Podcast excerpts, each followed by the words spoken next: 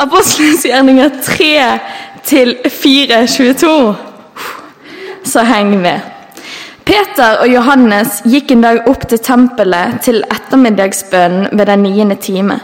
Da kom noen bærende på en mann som hadde vært lam helt fra mors liv. Hver dag satt de han ned med tempelporten, som kalles Fagerporten, så han kunne tigge om gaver fra dem som gikk inn på tempelplassen. Han så Peter og Johannes som var på vei inn, ba han om en gave. De så fast på han, og Peter sa, Se på oss. Han gjorde det og håpet de ville gi han noe.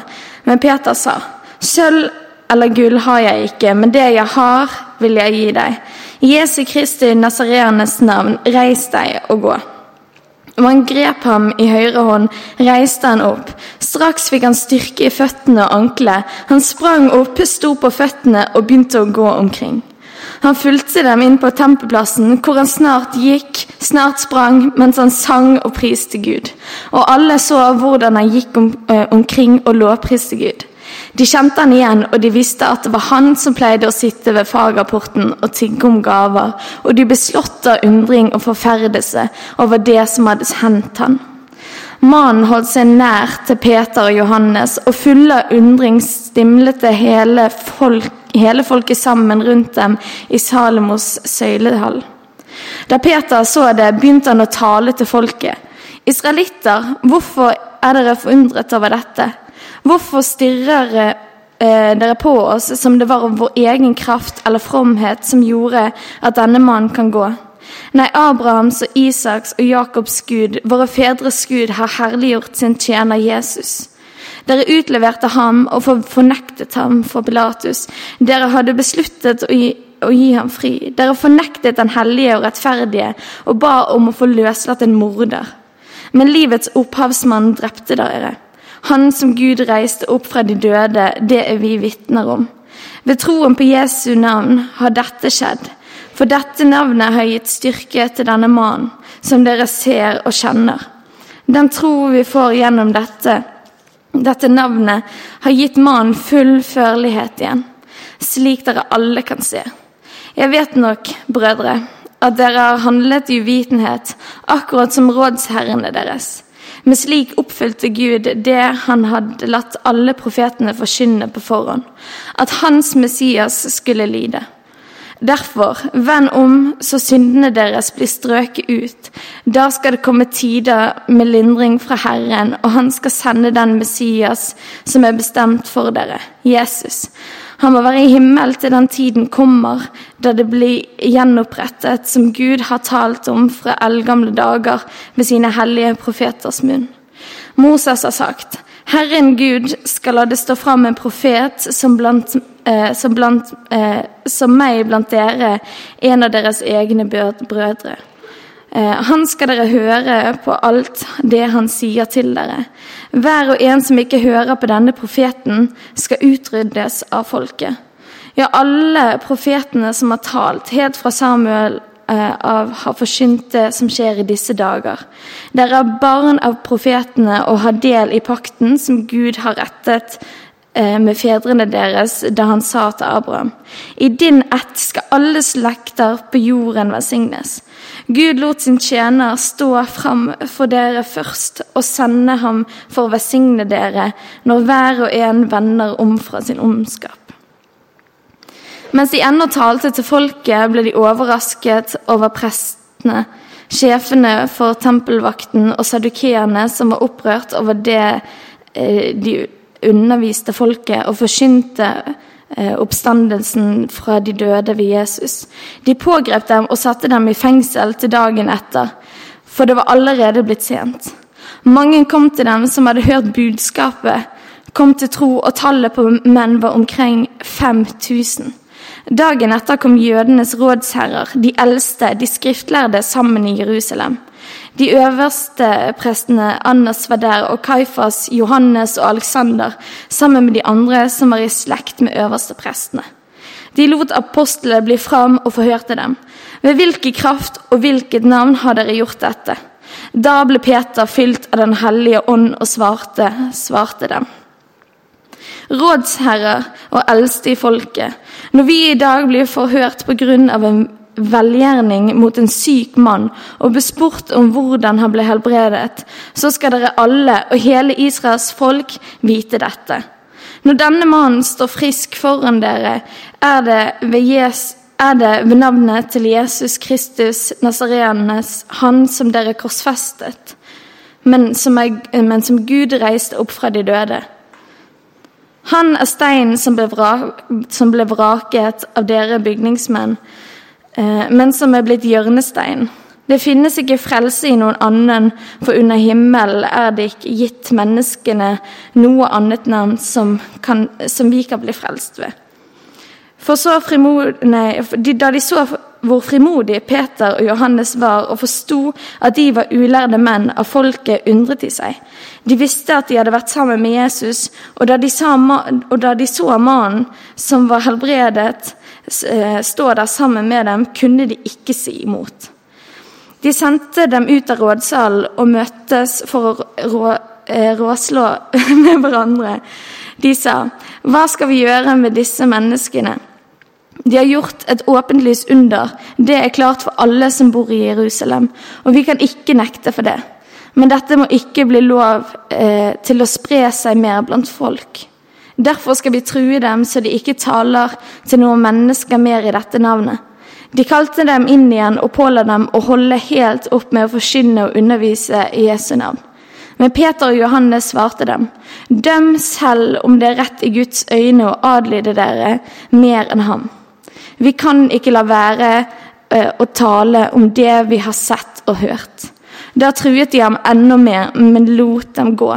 For de fant ingen mulighet til å straffe dem så lenge folket lovpriste Gud for det som var skjedd. Mannen som var helbredet ved dette underet, var jo 40 år.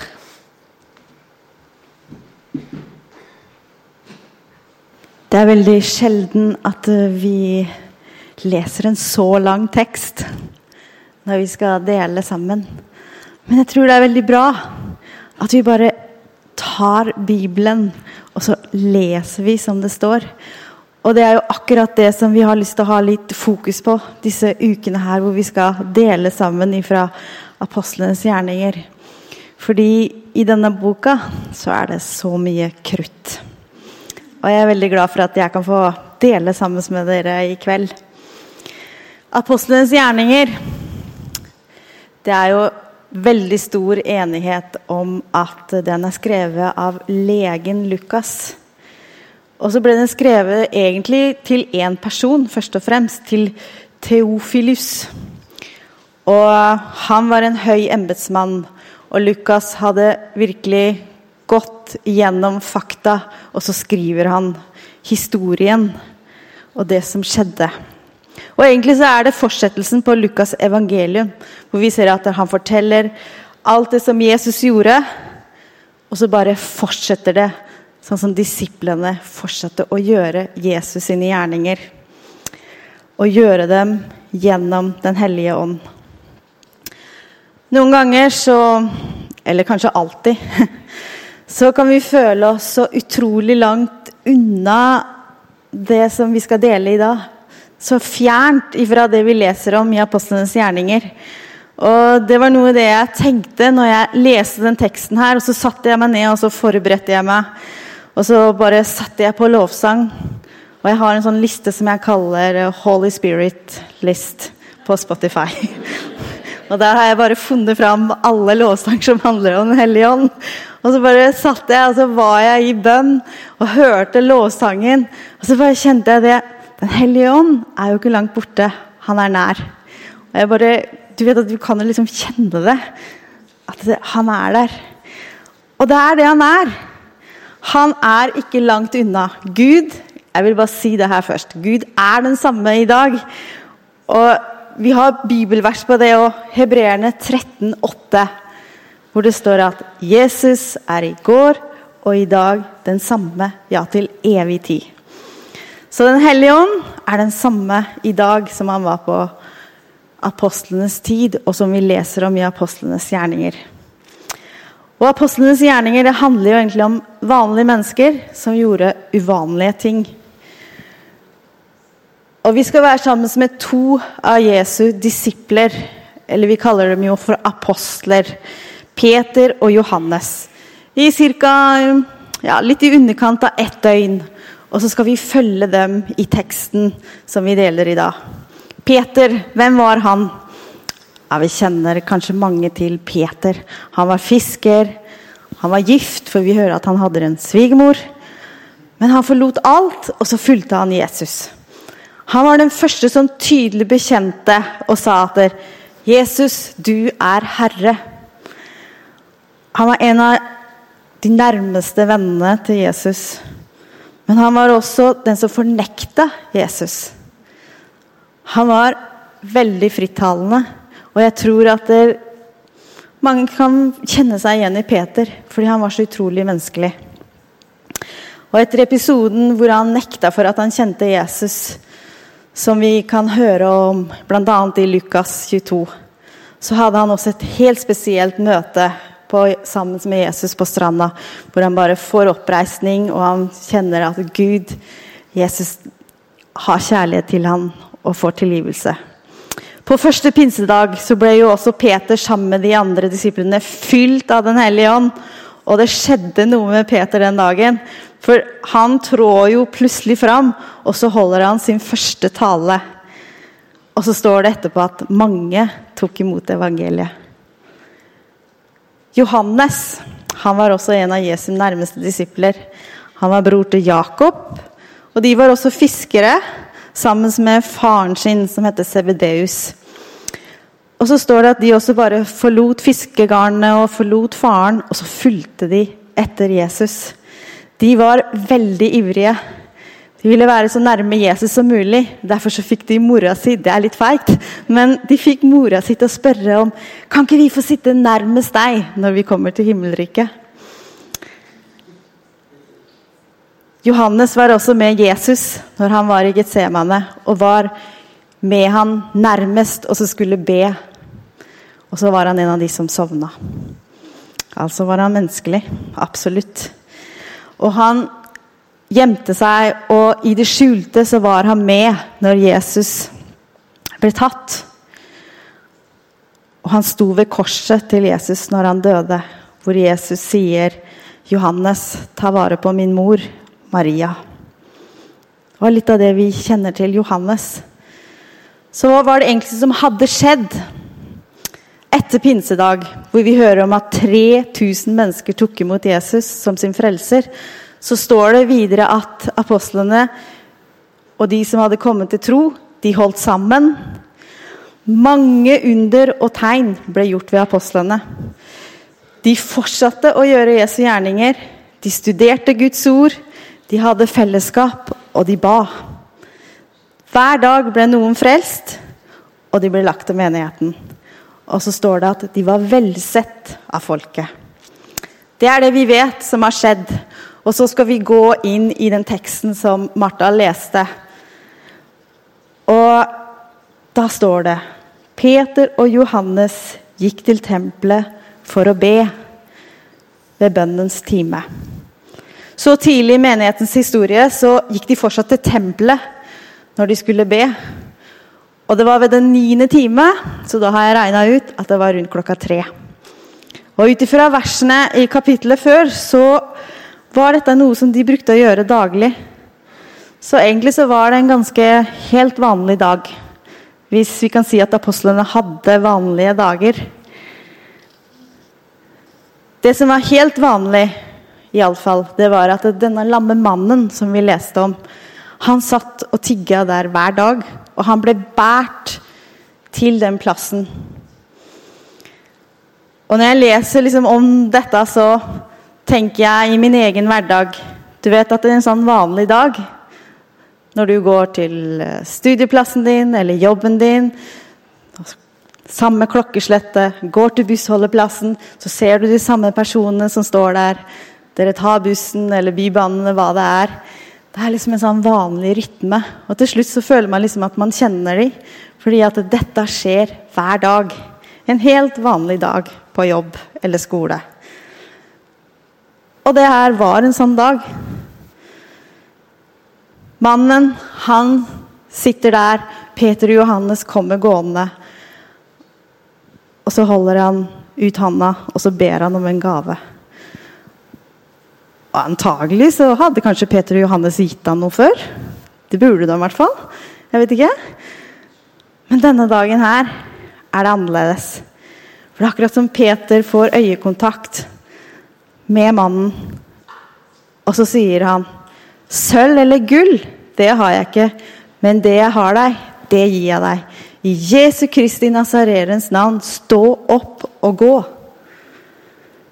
Disiplene levde sammen med Den hellige ånd nå. Og det var han som virka den ettermiddagen her. Peter må ha fått en tanke, en innskytelse eller et eller annet som gjorde at denne dagen var annerledes, og han stoppa opp. Og han tar hånda til denne mannen og reiser han opp. Kanskje er det akkurat den handa antagelig som mannen holdt ut for å få noen penger. Mannen fikk styrke i føtter og ankler, og jeg legger til også muskler. Fordi man lærer jo å gå. Denne mannen hadde vært lam fra fødselen av. Han hadde aldri gått. Og da har han jo absolutt ingen muskler i beina. Men det står at han spratt opp. Han løp, han gikk, han sang, han lovpriste. Og alle rundt la merke til det, fordi alle kjente han igjen. De skulle jo til bønn og til skriftlesning, men jeg tror at han hadde vanskelig for å holde seg i ro. Jeg synes jeg ser ham for meg. Han går, han løper, han jubler. Han vet ikke helt hva han skal gjøre. Han kan jo gå. Det har skjedd et mirakel. Han var overbegeistra, og selvfølgelig, hvorfor ikke? Han kunne jo gå. Og han holdt seg sammen med Peter og Johannes, og folket de oppdaga, og de stimla sammen. Da er det akkurat som Peter han eh, skjønner at der, Oi, her skjer det noe nå. Og så tok han muligheten, og så begynner han å tale til folket igjen. Og det første som han vil gjøre, det er det å oppklare misforståelsen om at det var han og Johannes som hadde gjort noe. Nei, ikke se på oss. Det er makten i Jesu navn som gjør at denne mannen er helbreda. Og så bare begynner han å tale til dem. Og egentlig så var talen ganske lik den talen han hadde holdt på pinsedag. Han bare begynner med å overbevise dem om at Jesus var Guds hellige, og at Jesus var Messias. Han legger ut for dem han som de korsfesta, han som har stått opp igjen, og han gir dem bare et taler på. Og så bruker han Guds ord. Og den bibelen de hadde da, det var jo bare Gamle testamentet. Men han bruker Gamle testamentet og siterer derfra for å bevise det som han sier. Han talte om Jesu liv, om Jesu tjeneste, om død. Og spesielt så har han fokus på Jesu oppstandelse, for det er det som gjør hele forandringen. Og så kommer han til slutten og kaller til omvendelse. Og skal akkurat til å ta frelsesinnbydelsen. Før han bare plutselig blir avbrutt av prestene, av tempelvaktene, av sadukeerne som kommer, og som absolutt hadde hørt nok og tenkte at nei, her, dette må vi få stoppa opp. Og spesielt var det disse sadukeerne som helt sikkert hadde sett helt rødt når han sa den siste delen av talen sin. Fordi de var et skikkelig liberalt parti. Og noe de ikke trodde på, det var oppstandelsen. Så jeg tenker at de ble helt sånn der eh, desperate. Nå må vi få stoppa dette her. Dette går ikke videre. Og Det eneste de kunne gjøre, var bare å få fjerna Peter og Johannes. Så de satte dem rett og slett i fengselet natta over. Det er første gangen vi hører om at noen av apostlene blir satt i fengsel. Kanskje det er første gangen de i det hele tatt var i fengselet. Og det var jo egentlig ikke så lenge siden som Peter nettopp var veldig redd for å bli tatt. Den natta som han fornekta Jesus, så var det jo fordi at han ikke ville bli gjenkjent, for han var, bli, var redd for at han skulle bli tatt. Så noe hadde skjedd med Peter. Han hadde fått en helt annen drivkraft på innsida som gjorde forskjellen. Selv om Peter og Johannes ble satt inn, så er det jo så utrolig bra å høre det at det vekkelsesmøtet det fortsatte jo ute. Det er ganske utrolig. Lukas forteller at mange som hadde hørt budskapet, kom til tro. Og de telte opp tallet. At på troene så står det at det var 5000 menn. Jeg vet ikke da om det var også kvinner, som var kanskje 5000 til. Eller bare det er oversettelsen. Men i alle fall 5000. Eller mange kom til tro. Selv om de hadde fjerna Peter og Johannes. Og når jeg skrev det, så bare putta jeg på et smilefjes bak. Fordi jeg syns at det måtte det ha. Jeg syns det er så bra. Fordi det kunne liksom være sånn at Oi, all uroligheten, og så bare, bare løste det seg opp.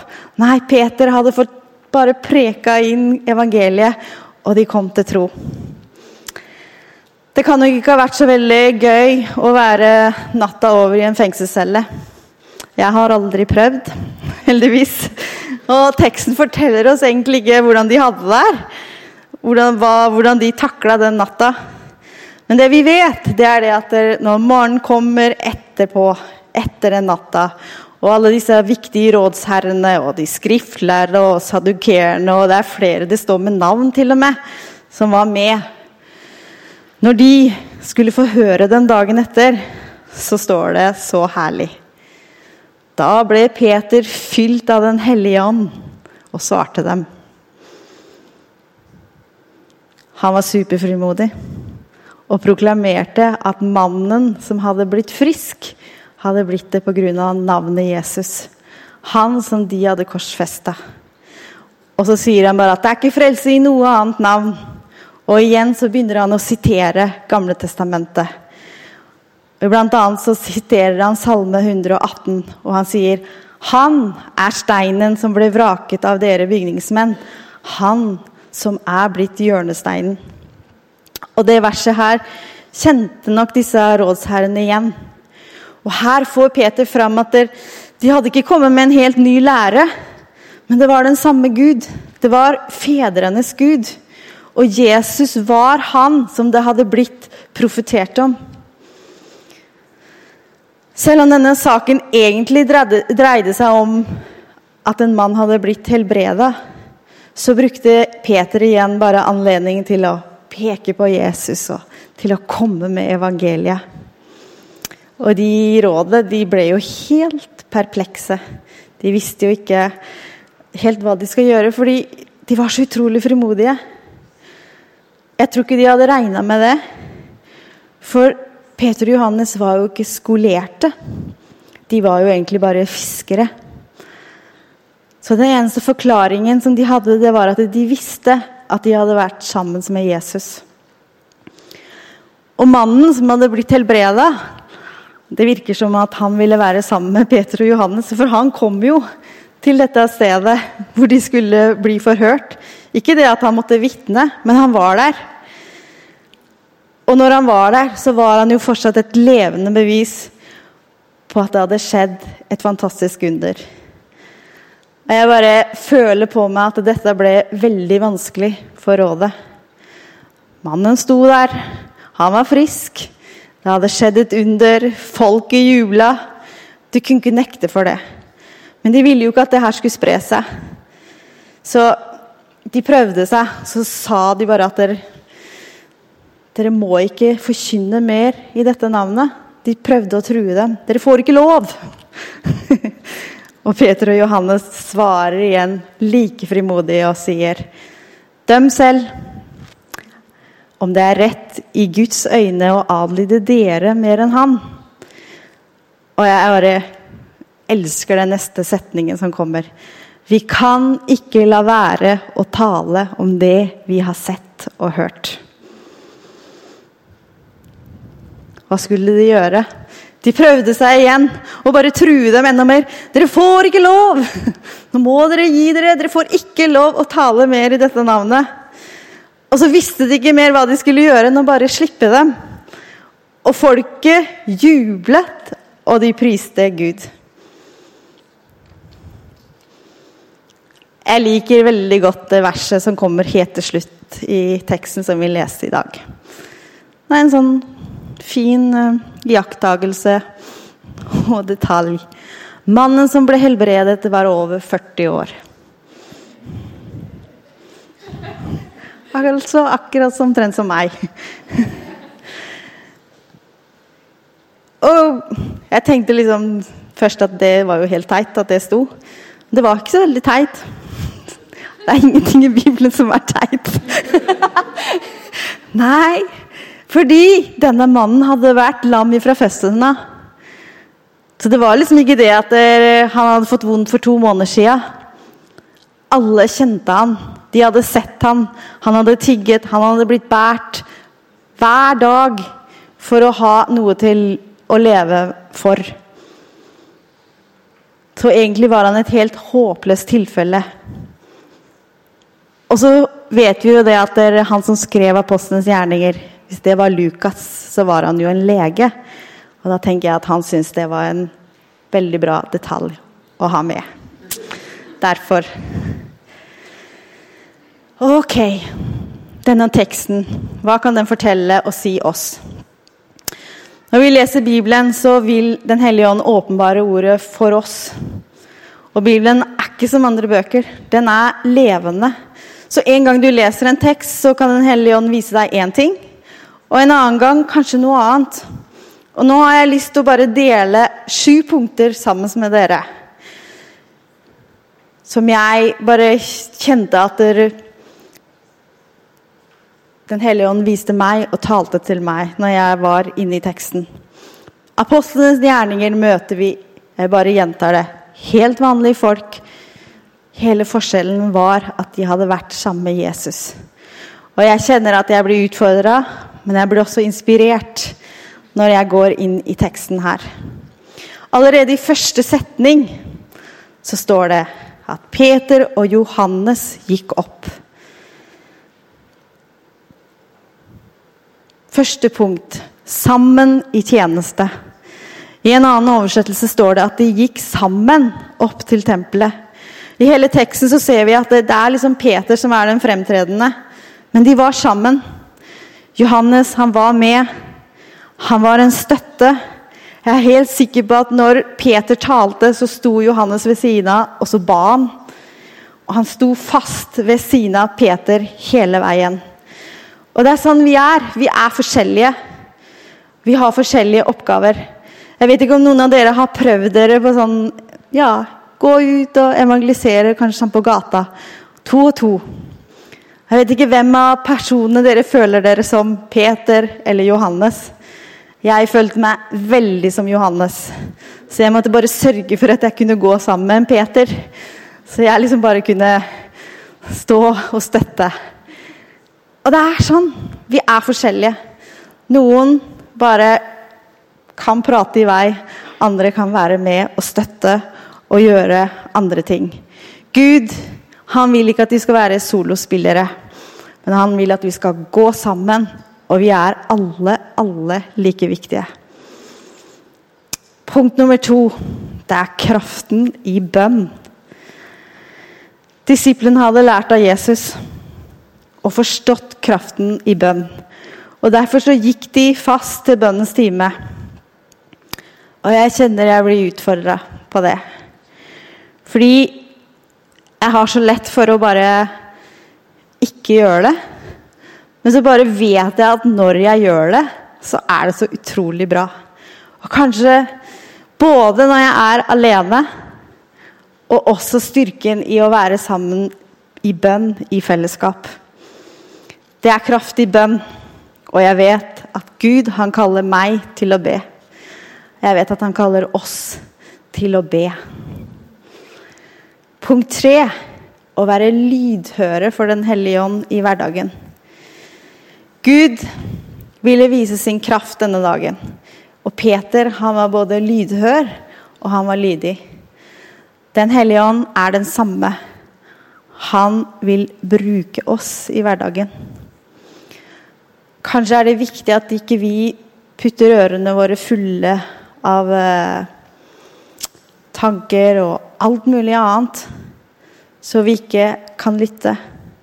Kanskje må vi bare ha oftere kanalen åpen opp, så vi kan lytte inn hva Den hellige ånd sier. Punkt fire bruke alle anledninger til å peke på Jesus og dele evangeliet. Her fikk jo egentlig Peter og Johannes ganske mye oppmerksomhet først for det som hadde skjedd. En mann hadde blitt frisk. Så egentlig så kunne de jo bare fortsatt. Kanskje helbreda noen flere. Altså, Nå var det jo liksom helbredelsespredikantene. Men det er akkurat som om de bare med en gang begynte å forkynne Jesus. Det kan hende noen ganger at det er litt lett for oss å bare bli litt i glansen hvis vi har mulighet. Men Peter bare pekte på Jesus og tok vekk alt fokus på seg selv. Punkt fem grunne på Guds ord. Peter han taler med frimodighet, men han vet også hva han taler om. Og han bruker den Bibelen han hadde. Han bruker Gamletestamentet, og så siterer han flere nøkkelvers. Bare som skal poengtere det han vil si. Og han gjør det for folket, og han gjør det etterpå for rådsherrene. Han hadde Guds ord på innsida. Og jeg tror at vi også kan ha mer fokus på Guds ord. Det er krutt, altså. Det er veldig bra. Og ikke bare det vi hører, men at vi sjøl bare kan gå inn og lese teksten og grunne på det. Og så vil Den hellige ånd vise oss og åpenbare ting for oss. Og så kommer det da visdom fra himmelen. Punkt seks. Lyde Gud mer enn mennesker. De lot seg ikke stoppe. Kanskje er vi litt forsiktige noen ganger. Fordi vi har ikke så lyst til å tråkke noen på tærne. Så vi går litt forsiktig, eller kanskje vi lar være å gjøre noe. Men det var ikke det som skjedde her. Peter og Johannes de bare kjørte på. Det kan hende at vi noen ganger må bare være litt mer frimodige. Lyde Gud mer enn mennesker. Og til slutt det verset som jeg delte i stad, som jeg syns var så bra. Vi kan ikke la være å tale om det vi har sett og hørt. De var jo proppfulle av budskapet om Jesus. De var fylt av Den hellige ånd. De hadde klart i minne noe av de siste ordene som Jesus deler med dem. Jeg vil bare dele det med dere også. Vi tar det fra Markus 16, vers 15 til 18. Og han sa til dem, gå ut i hele verden og forkynn evangeliet for alt som Gud har skapt. Den som tror og blir døpt, skal bli frelst, men den som ikke tror, skal bli fordømt. Og disse tegnene skal følge den som tror. I mitt navn skal de drive ut onde ånder, de skal tale med nye tungemål, og de skal ta slanger i hendene. Om de drikker dødelig gift, skal det ikke skade dem. Og når de legger hendene på syke, skal de bli friske. Wow, for noen vers. Men det står i Bibelen. Og disiplene hadde dette ferskt i minne. Og de var akkurat det de holdt på med i etterkant. Kan vi la være å fortelle om det vi har sett og hørt? Og fortelle om det vi har opplevd? Johannes han skrev jo også både Johannes evangeliet og tre brev. Og han sier akkurat det samme i sitt brev. 1. Johannes 1, 1, hvor han sier det som var fra begynnelsen, det vi har hørt, det vi har sett med våre egne øyne, og det vi så, og som hendene våre tok på, det forkynner vi. Livets ord. Det er vår Gud. Han først og fremst elsker oss utrolig mye. Det var derfor han ga seg selv for oss og hele verden. Og han vil bruke oss. Vi er hans disipler her og nå. Vi er det som skal fortsette apostlenes gjerninger. Og Derfor har han gitt oss noen verktøy som vi har sett i denne teksten her. Han har gitt oss Den hellige ånd. Han har gitt oss bønnen, og han har gitt oss Guds ord. Og Jeg håper ikke du nå sitter med en følelse av sånn hjelpeløshet eller ubrukelighet eller tenker oi, dette har jeg hørt så mange ganger. Det funker bare ikke. Men uansett hvor du er i livet, det jeg virkelig ønsker, er at du bare skal ta et lite skritt. At du skal bare få litt mer lyst til å bli bedre kjent med Jesus. Og at du bare skal finne ut at du skal ta i bruk disse verktøyene litt mer. Den hellige ånd bor i deg. Han vil være din hjelper. Og vi kan uansett hvor vi er, og når som helst, så kan vi be. Og Bibelen kan vi lese. Du trenger ikke å lese to kapitler.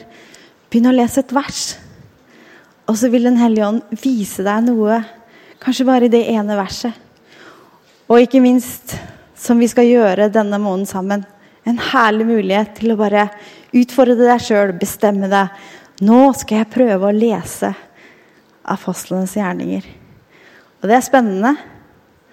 Da kan du få med deg fortsettelsen på det jeg har begynt på i dag. Så nå burde du ikke vente. Det er sånn, sånn, som vi har. Nå har vi Netflix. ikke sant? Vi trenger ikke å vente en hel uke. Vi kan bare gå rett hjem og fortsette å lese, og det kan dere i kveld. Her er Netflix, holdt jeg på å si. Den fikk, kom helt spontant. Kan dere fortsette, og så kan dere fortsette å lese. Hva skjedde når Peter og Johannes kom ut. Det er spennende. Å leve med Jesus er spennende. Skal vi reise oss opp?